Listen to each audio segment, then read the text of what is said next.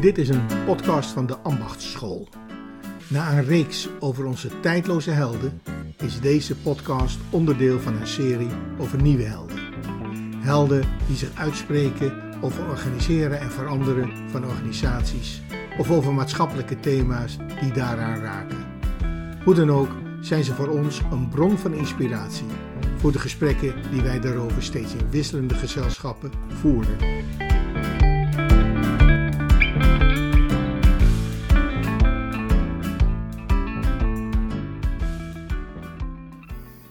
Luisteraars, welkom bij deze podcast over paradoxaal veranderen. Het is een wat grijzige en druilerige vrijdagmiddag, zo tussen Sinterklaas en Kerst. Dus midden in die adventtijd, hier aan de overkant van het kantoor, daar staan de kerstbomen al te branden. Buiten is er dus eigenlijk niet zoveel te beleven. Een prima moment voor een mooi gesprek over het vak. Uh, u ziet ons niet, maar uh, wij zien elkaar wel. En uh, rechts van mij in beeld zit Shirin Moerkerken. Links zit Jouge Spijkerboer. En mijn naam is Marco de Witte. Wij hebben alle drie iets met paradoxen. We hebben erover geschreven. Maar we zijn er nog lang niet over uitgesproken. En um, wij wilden deze podcast gebruiken om nog eens wat verder dat mooie fenomeen te verkennen. Maar dat begint natuurlijk bij de vraag: wat is nou eigenlijk een paradox? Ja, wat is een paradox? Um, eigenlijk hebben we het volgens mij een beetje over drie begrippen met elkaar gehad: over dilemma's, paradoxen en spanningen. Um, en Smit en Lewis zeggen over uh, een dilemma. Uh, dat is eigenlijk een spanning waarbij elk van de elementen gewoon voor- en nadelen hebben. En dan kan je nog kiezen. Maar de grap bij een paradox is dat dat meestal niet zoveel uh, nut heeft, omdat het een ingebakken spanning is. Dus je zou kunnen zeggen dat een paradox, dat zijn eigenlijk twee zaken die niet goed met elkaar, maar ook niet goed zonder elkaar kunnen.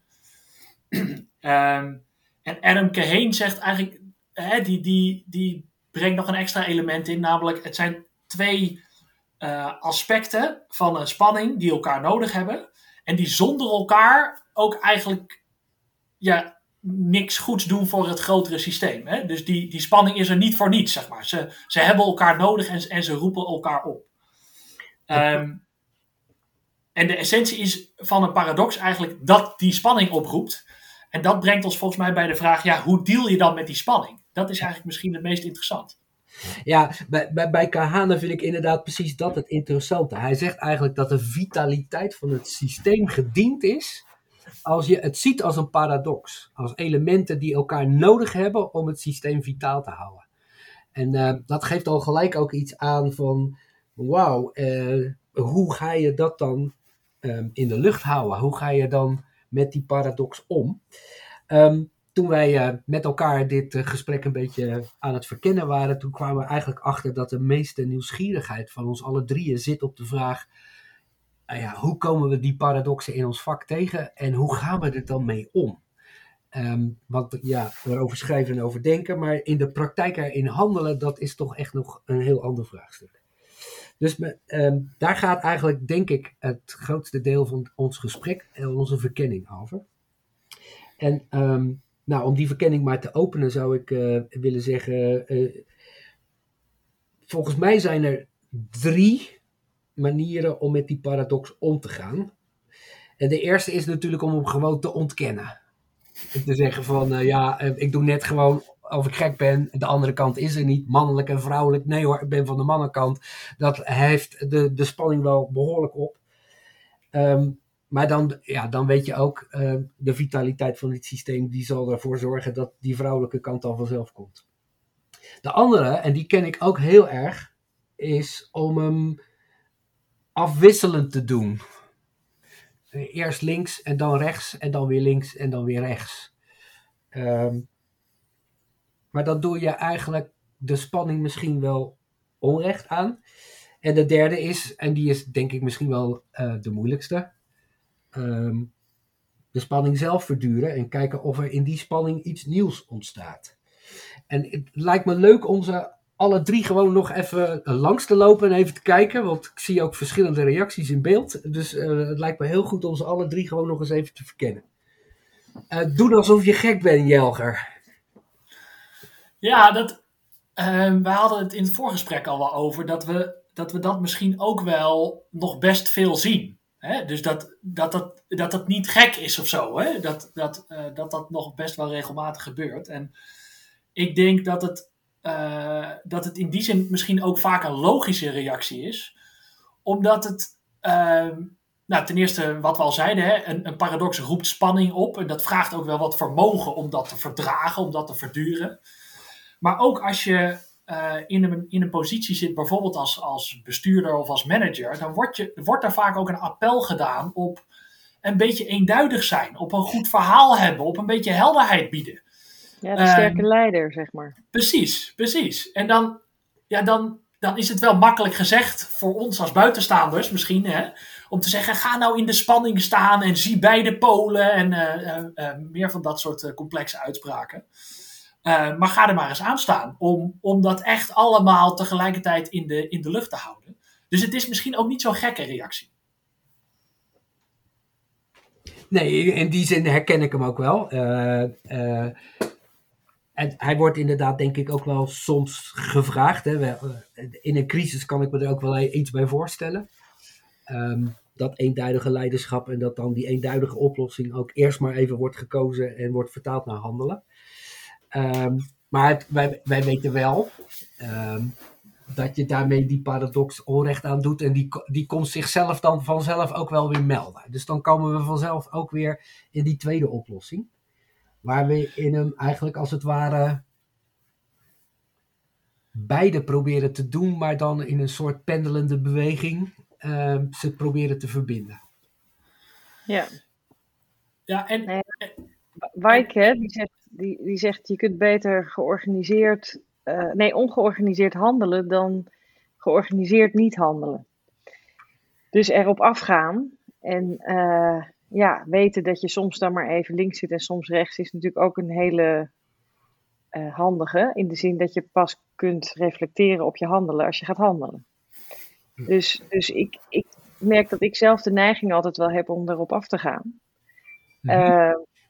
Uh, uh, volgens mij helpt het wel, want, want je brengt het nu ook steeds als een, als een een, een diade, zeg maar, als, als mm-hmm. twee polen, uh, uh, is om met betrokkenen te zien hoe het meervoudig is. Ja. Hè? Dus het is natuurlijk nooit een diade. Hè? Dat vind ik nu zo mooi aan, aan die discussies over vaccineren of niet vaccineren. Dan denk ik, ja, alsof alle gevaccineerden uh, hetzelfde zijn. Mm-hmm. En alsof alle niet gevaccineerden hetzelfde zijn. Ehm, dat is natuurlijk veel gevarieerder dan twee. Ja. Dus, dus volgens mij is het erop aflopen ook veel makkelijker mogelijk als je ziet dat er meervoudigheid zit in, in, uh, in de polen, zeg maar. Mm-hmm. En dat het dus geen polen zijn. En dan nog steeds zit er wel een paradox in, er zit er wel spanning in. Maar het is, niet, het is nooit zo enkelvoudig als uh, eerst groen dan blauw, zou ik maar zeggen. Hè? Ja, en, nee, en volgens mij maakt, uh, de, uh, wat, je, wat je nu noemt, uh, Sherine, maakt volgens mij ook het verschil in die tweede strategie die je noemde, Marco, van, van dat pendelen. Uh, hoe jij hem vertelde, klonk hij voor mij al bijna een beetje negatief of zo. Dat is ook niet zo ideaal in dat dealen met die paradoxen. Maar volgens mij zit het verschil wel in als je willens en wetens de paradox in beeld hebt of het meervoudig maakt met elkaar. en op basis daarvan tot een keuze komt, is dat heel anders dan gewoon maar kiezen, om het zo maar te zeggen. Hè? En, en ja, die is wel wezenlijk volgens mij. Ja, ik had laatst met een manager een gesprek en die zei, ja, ik doe dat heel vaak. Hè? Dan heb je een heel wicked problem en dan zeg ik in een vergadering, nou ja, oké, we hebben twee opties. We kunnen nu naar links, we kunnen nu naar rechts. Uh, en hij zei, ja, jij zegt dan dat ik dan eigenlijk ja, die meervoudigheid tekort doe. En toen gaf ik als antwoord, nou ja, het ligt eraan of je dat aan het begin of aan het eind van het gesprek doet. Dus zeg je aan het begin van het gesprek, uh, we kunnen links of we kunnen rechts. Of voer je eerst een gesprek over die meervoudigheid en zeg je dan, nou ja, er zijn duizend opties, maar zullen we nu maar even kiezen voor links of voor rechts? En wat is dan de minst schadelijke of zo? Hè? Dat, Ja. Dat klinkt al heel anders. En dat, maakt voor mij denk ik ook eh, het verschil in de toon. Hè? Dat we eerst de, of de, de, de eerste paradox verkennen. En, en meervoudig proberen te kijken vanuit verschillende perspectieven. En als we dan uit een, een soort, we moeten eh, handelingsverlegen, we moeten ergens voor kiezen. Dat je dan kiest voor de ene meer dan de andere variant. da- dan is het wat mij betreft eh, al heel anders. Dan dat, zoals ik hem in het begin inderdaad een beetje zwart-wit neerzeg. Van of links of rechts. En zo schaatsen wij lekker door. Ehm, en, en dan klinkt die heel anders. Hè? Dan klinkt die ook veel meer genuanceerd. Dat je uit de analyse ook niet onmiddellijk de oplossing hebt. En dan gaat, op pad gaat door te verkennen. Precies. Ehm, in die zin ken ik hem ook altijd. Dat, dat de paradox ook wel leidt tot een soort duaal plan. Hè? Je, je doet het één rekening houdend met dat je weet dat de andere kant ook komt. Eh, als je blauw en groen afwisselt, dan weet je gewoon dat je op die manier wel verder komt. Ehm, maar dan doe je ze toch elke keer weer zoveel mogelijk in hun eigen kleur. Eh, maar dat is, ik denk wel het grote verschil of je daarmee begint of dat je daarop uitkomt met elkaar. Na, na het goede gesprek in het verkennen. Ja. En, en, en daar merk ik al heel vaak van dat dat al heel veel vraagt. Omdat het eh, ja, best een competentie is om eigenlijk twee varianten of twee opties tegelijkertijd in je hoofd te houden. Dat is, dat is al. Laat staan die derde variant, eh, Marco. Wat zeg je? Laat staan die derde variant. Ja, die, die wordt dan nog spannender. Want dan, dan, dan zeg je eigenlijk, ik moet de spanning zelf verduren. Niet wetende waar ik dan misschien op uitkom. En heel eerlijk gezegd, dat is voor mij ook een hele spannende. Want ehm, op het moment dat ik eh, twee opties, eh, dat het wicked problem betekent dat ik het niet meer weet, kom ik ook in een soort verlegenheid. Dat ik die spanning heel erg voel, maar dat ik het heel erg moeilijk vind om dan er toch in te stappen te en wetende dat ik niet weet waar ik uitkom. Eh, maar dat, dat, die derde is wel de spannendste en ik ben wel benieuwd hoe jullie dat doen. Want daar wordt de paradoxale karakter eigenlijk het meest geëerd als we dat voor elkaar zouden krijgen. Maar laten we eerlijk zijn. eh, het is in wezen natuurlijk ook een bovenmenselijke activiteit, hè? die derde.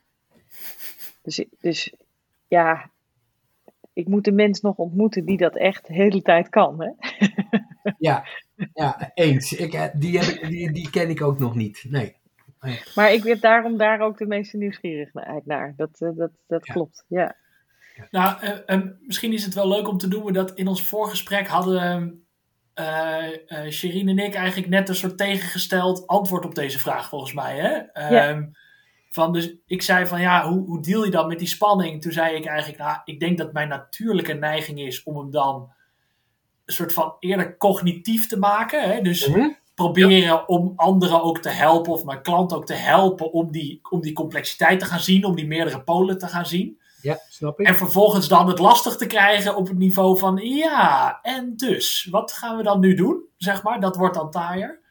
Terwijl Shirin, jij, jij, jij pakt hem eigenlijk van nature andersom, zei je toch? Ja, ja, nee, ik, eh, ik lijk erg op mijn dochter, of mijn dochter lijkt op mij. Dat zal wel een betere volgorde zijn. ja, precies. ik heb een dochter van drie en die, die, die blijft eh, eh, klimmen, eh, ook al valt ze van eh, dingen af. Eh, ze, ze doet gewoon nog een poging en nog een poging en nog een poging. En ook al heeft, loopt ze daar blauwe plekken bij op, ze doet het gewoon net zo lang totdat ze het kan. En ik heb die neiging ook. Ik, eh, ik heb de neiging om op dingen af te lopen. Dus ehm, ik, ik duw mijn eh, eh, opdrachtgevers regelmatig in het handelen. Hè, dan dan, dan hebben ze, zitten ze zelf alles meervoudig te bekijken, wat natuurlijk ook recht doet aan hoe complexe dingen zijn.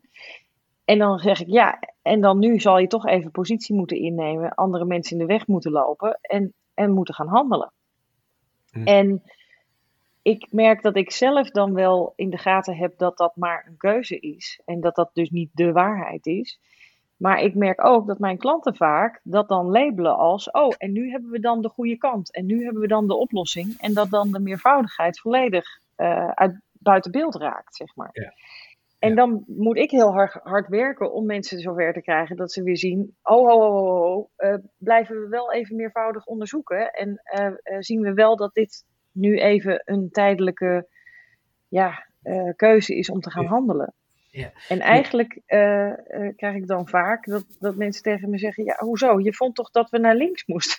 Ja, ja. Dus, dus ja, bij mij zit de spanning vaak aan de andere kant. Ja, Maar, maar dan, dan verduren we dus de spanning op verschillende manieren. Jou gezegd, eh, ik doe dan een stapje achteruit en ik schiet juist in de analyse en, en in, de, Mhm. in, de, in de cognitie van wat, wat is het vraagstuk waar we voor zitten. En jij bent eerder geneigd om dan te zeggen, ik doe een stap vooruit in het handelen ga reflecteren op het handelen, want dat helpt ons hel- helder te krijgen waar het probleem over gaat. Ja. Met, met, de nadeel van wat je net zo, eh, net, net zo mooi benoemt, eh, dat je opdrachtgevers of je deelnemers dan ineens denken dat je van de ene kant bent. Om Ja. Even paradoxaal te formuleren. ja, ja. En maar, de, maar de spanning zelf verduren, want, eh, want ook even handelen of even analyseren is eigenlijk een paradox. Ehm, de spanning zelf verduren in, het, in, in de opdracht zelf, heb, heb je daar een voorbeeld van, Shirin? Ja, ja, ja, ik zit nu al een tijdje, be- ben ik betrokken bij eh, zes bestuurders die eh, nieuwe oplossingen proberen te verzinnen in de gezinsveiligheidsketen. Ja.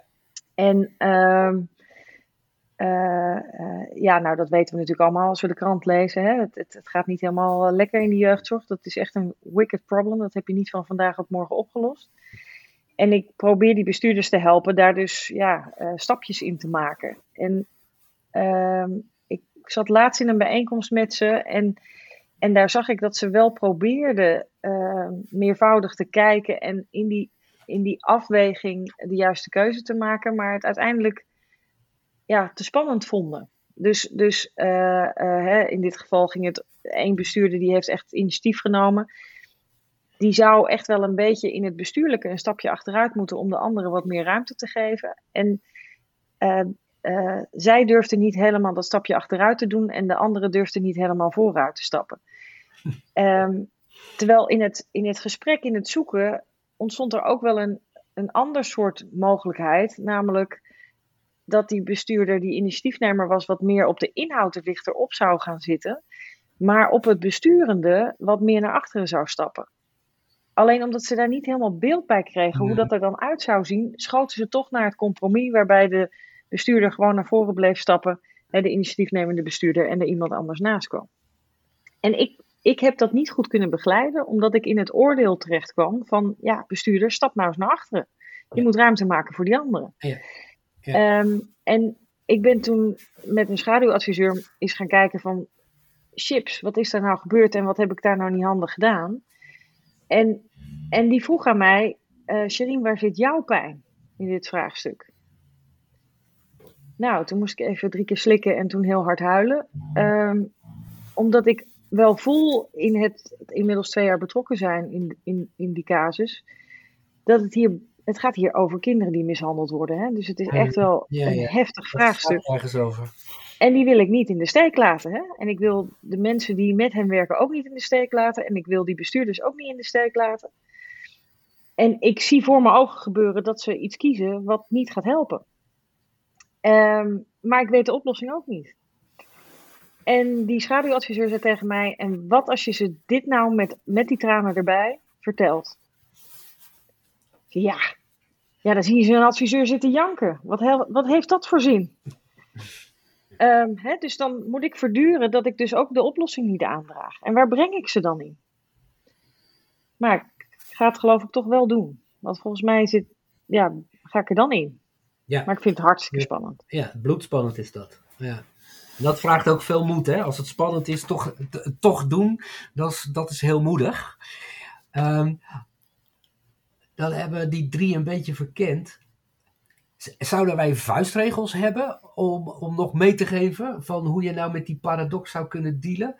De, de, enige die bij mij on- onmiddellijk opkomt is, als, zeker als ik jouw verhaal ook hoor, Shireen, is dat ik dan weet dat ik, van dat ik zelf in rust moet zijn, de tijd moet hebben om het toe te laten. Want als ik gehaast ben, dan, eh, dan komt het niet eens binnen. Dan, dan, ja, dan, dan zou ik misschien ook wel voor variant 1 kiezen. Ik kies gewoon, ik doe net of die andere niet zie. En dan loop ik lekker door. Dus dat zou mijn eerste zijn. Wat, wat, gaan, wat voeg je er aan toe? Uh, Jelger? Wat zou jouw vuistregel zijn? Nou, misschien deels met, met wat we al een beetje langs lieten komen. Dus welke strategie je ook kiest, het helpt volgens mij om, om die meerdere polen te blijven zien. En daar kan je dus ook wel op werken, zeg maar, om jezelf en, en je klant te helpen.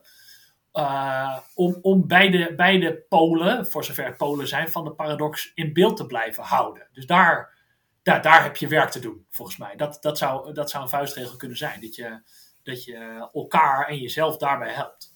Ja, ja en, en je vertelde ook wel zo mooi, volgens mij in eerdere verhalen, dat, dat, je, dat, dat je daar bijvoorbeeld bij kan helpen als je de defensiestrategieën om weg te gaan van die spanning, als je die leert herkennen. Hè? Wie ja. schreef daar nou ook weer over? Uh, Hans Vermaak uh, heeft daar een mooi, uh, mooi stukje over, over geschreven in de nieuwe kanon van het leren. Maar volgens mij zit die in jouw voorbeeld eigenlijk ook. Dus in jouw voorbeeld is volgens mij een mooi voorbeeld van hoe je eigenlijk achteraf hebt bedacht. Hoe, hoe kon je die mensen helpen om, die, om in de spanning te blijven en, en beide kanten te blijven zien. In plaats van een soort wegbeweging te maken. Ja, het compromis ja. was eigenlijk weg bij de spanning. En, een, defensie, een, een defensieve strategie. En, um, en Hans zegt dan, daar zijn natuurlijk veel meer voorbeelden van. En die leren herkennen, dat, dat helpt enorm om in die spanning te kunnen blijven. Dus, ja, ja, dat, is ook wel een mooie tip. En jij had er ook nog één in de zin van uh, uh, andere capaciteit bijschakelen, Jerry. Ja, dit vak kun je niet alleen. Ik, ik, nogmaals, ik, ik vind dat het echt een bovenmenselijke exercitie is. Uh, misschien dat het Dalai Lama dit kan. Uh, maar ik heb er echt anderen bij nodig. Dus uh, of samen op een opdracht of uh, schaduwadviseur.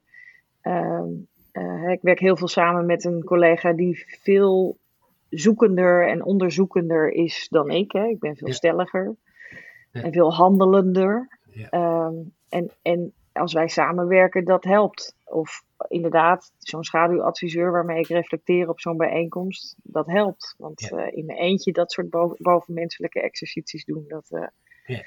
Nou, is mij nog niet gegeven. Mooi, maar dan heb je eigenlijk de paradox ook aan boord. En, uh, ja, ja nou, we zijn er nog lang niet uit, maar de tijd is wel om, zoals het zo vaak gaat in een podcast als deze. Um, de paradox, paradoxaal denken maar paradoxaal handelen, dat is echt nog een mooie uitdaging. En daar gaan we in dit vak nog veel dingen en veel momenten in tegenkomen. Ik dank jullie wel voor dit mooie gesprek.